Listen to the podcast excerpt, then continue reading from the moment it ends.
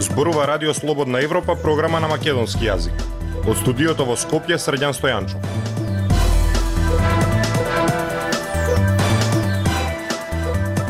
Ја слушате емисијата на Радио Слободна Европа, почитувани. Во неа објавуваме. Власта демантира медиуми за протоколот со Бугарија, но не го објавува. Протестите ги зголемија поделбите во Јонака поделеното општество. По старите доктори во принудна пензија, јавното здравство може да остане без специјалисти. Слушајте не.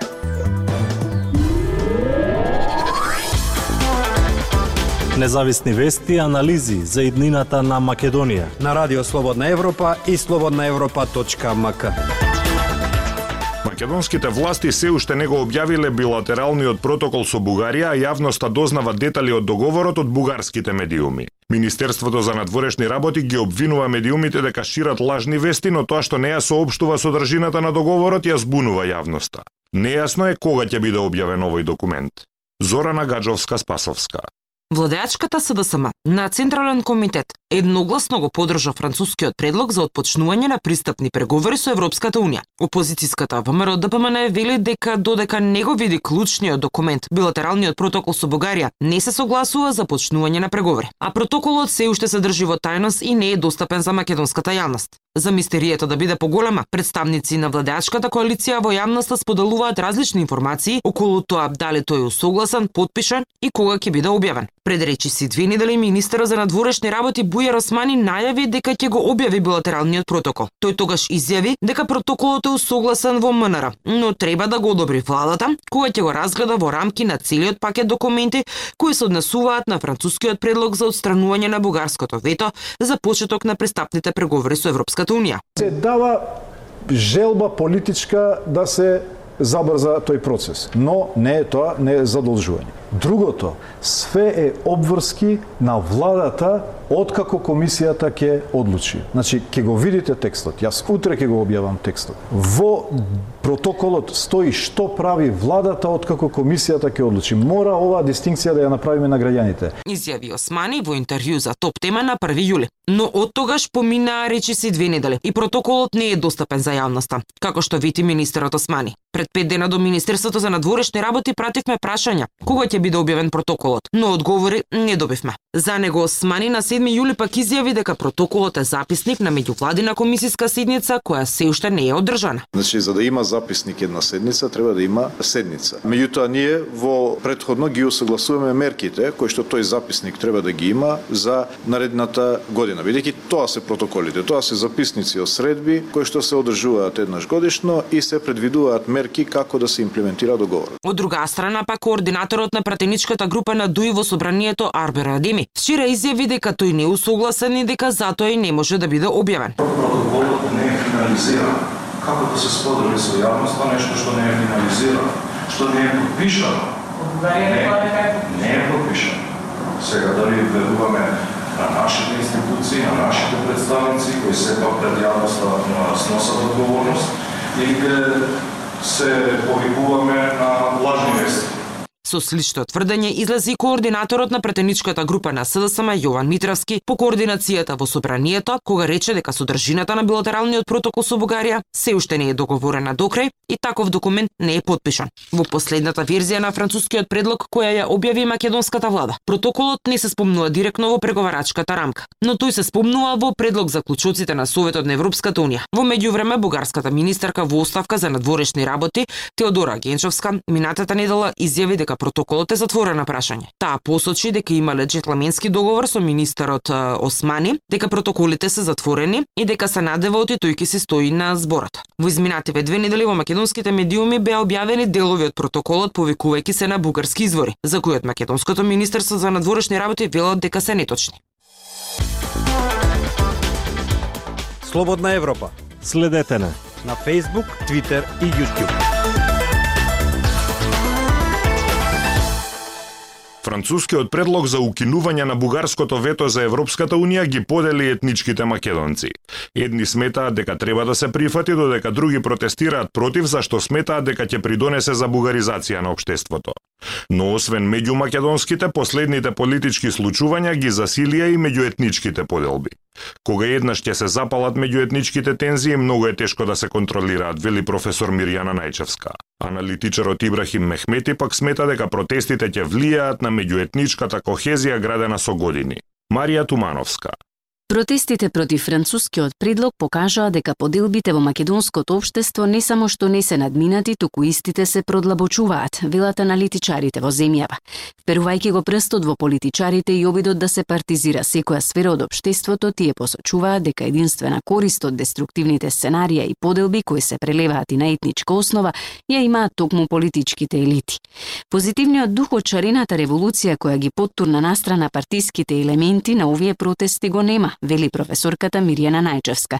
Според неа, политичките партии повторно играат на картата на меѓуетничките тензии, а секое барање добива етничка боја дури тогаш кога барањето нема врска со меѓуетничките односи. Да, се зголемуваат тензиите не заради суштина барањата, не заради суштината на проблемите, туку заради тоа што тоа е онаа добро научена лекција од политичките партии дека е тоа начинот на кој што можат да привлечат поголем број луѓе на своја страна.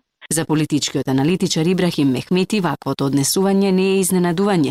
Речи си и да нема политички проблем во земјава кој не се одразува на односите меѓу македонската и албанската етничка заедница. Јас можам да прифатам дека има некојаш и искрено неразбирање, меѓутоа во исто време мислам дека има голем процент на во ова да речеме во ова приказна и на намерни намерно предизвикување на недоразбирање и на потенцијални конфликти со цел да се добие некаква политичка позиција која што ќе им помогне во остварување на нивната цел на било која страна. И најчевска и Мехмети велат дека политичарите треба да бидат повнимателни и поодговорни со изјавите кои ги даваат во јавноста со цел да не предизвикаат дополнителни меѓуетнички тензии и поделеност. Пред десетина дена токму министерот за надворешни работи Бујар Османи изјави дека отварвањето на францускиот предлог може да донесе безбедносни ризици и меѓуетнички тензии. Тие се во моментов на ниво на мали деца на кои што им е даден оган и мислат дека можат да играат со огнот. Мислат мислат дека можат да го контролираат, мислат дека можат да го држат под некакви во некакви рамки. Меѓутоа еднаш кога ќе се запали меѓуетничката тензија, многу е тешко таа да се контролира и тоа е она нешто кое што не знам како и не знам зашто, меѓутоа никако да го научат нашите политичари и покрај искуствата кои што ги имаме од предходните години. Дека поделеноста во општеството е на високо ниво, предупреди и председателот на државата Стево Пендаровски, кој деновиве изјави дека политичката поларизација без преседан е на невидено ниво во независна Македонија. Радио Слободна Европа, светот на Македонија. Здравствените власти го одбија барањето за продолжување на работниот однос на голем дел од лекарите кои наполниле 64 години. Дел од лекарите тврдат дека ваквата одлука ќе има драматични последици во јавното здравство, кое и онака кубори со лекари специјалисти. Прилог на Ивана Стојкова.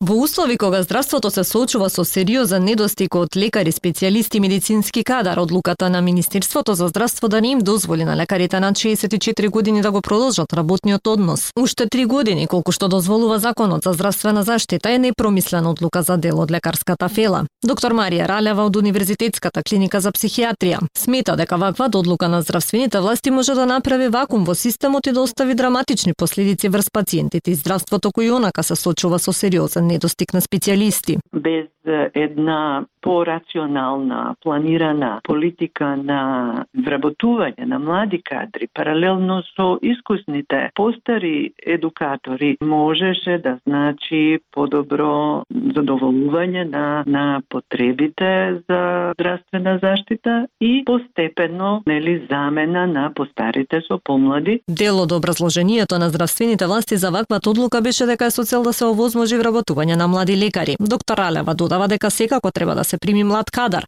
но кадровската политика со која постарите ќе се заменат со помлади колеги треба да биде процес кој ќе се одвива постепено. Од самостојниот синдикат на клиничкиот центар во Скопје со денови на назад реагира дека законот не им дозволува ниту на директорите ниту на министерот да носат такви одлуки, а се сомневаат и во селективност на тоа на кој лекар ќе му биде продолжен работниот однос, а на кого не. Председателот на синдикатот доктор Горан Беговиќ притоа вели дека станува збор за доктори, врвни специјалисти, субспецијалисти и професори, чие што знаење и искуство им се се уште потребни на македонското здравство. Ниту директорот, ниту уште помалку министерот за здравство има право да донесе одлука за прекина работен односно, односно да него продолжи работниот договор на оние здравствени работници кои изразиле согласност. Директорката на Прилепската болница, на пример, пак, вели дека таа подпишала барање на 8 доктори од болниците да им се одложи пензионирањето. Станува збор за двајца општи доктори од службата за брза помош, додека останатите 6 доктори се хирурзи, педиатри и уролози. Ако тие отидат во пензија, болницата ќе остане без кадар. И затоа јас како директор донесов одлука дека треба да останат секако во согласност нивна. Имам и други доктори кои што заминуваат во пензија, меѓутоа не се есенцијална потреба за болницата. Но дали колку млади лекари ќе се вработат, како што тврдеше министерот Беким Сали за сметка на оние кои ќе се пратат во пензија, одговор од Министерството за здравство нема. Култура и уметност на Радио Слободна Европа. Со концерти во неколку градови во земјата, пианистката Билјана Петровска неодамна ги започна промотивните активности за своето првенче, Здивот на вечната љубов. Албумот е инспириран од мелодии и мотиви на македонските фолклорни песни. Повеќе од Лјупчо Јолевски.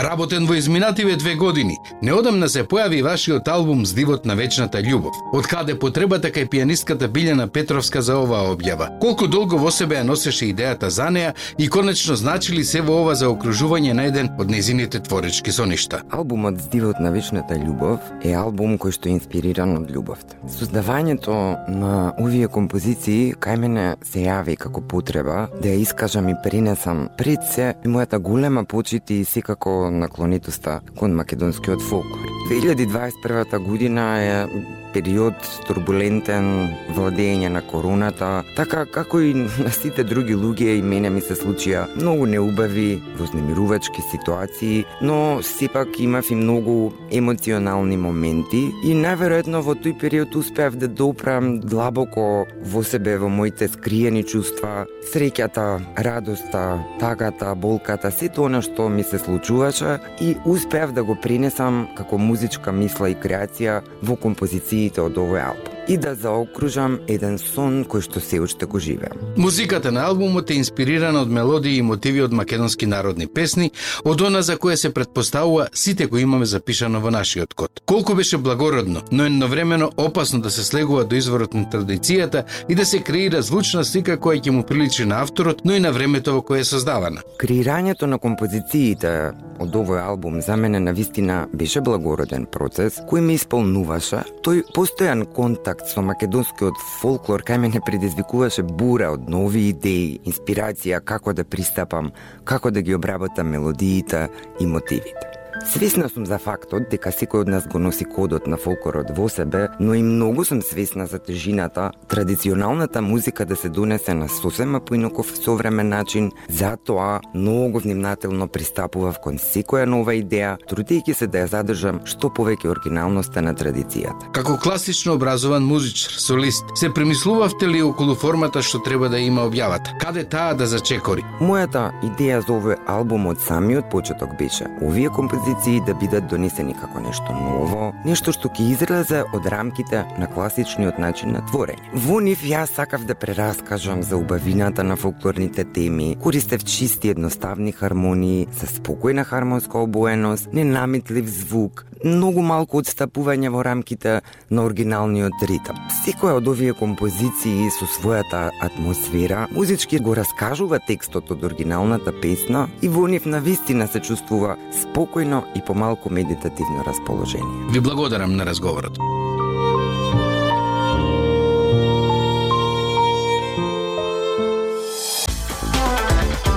Ја слушавте емисијата на Радио Слободна Европа на македонски јазик. Со вас беа продуцентот Дејан Балаловски и Средјан Стојанчо. До слушање.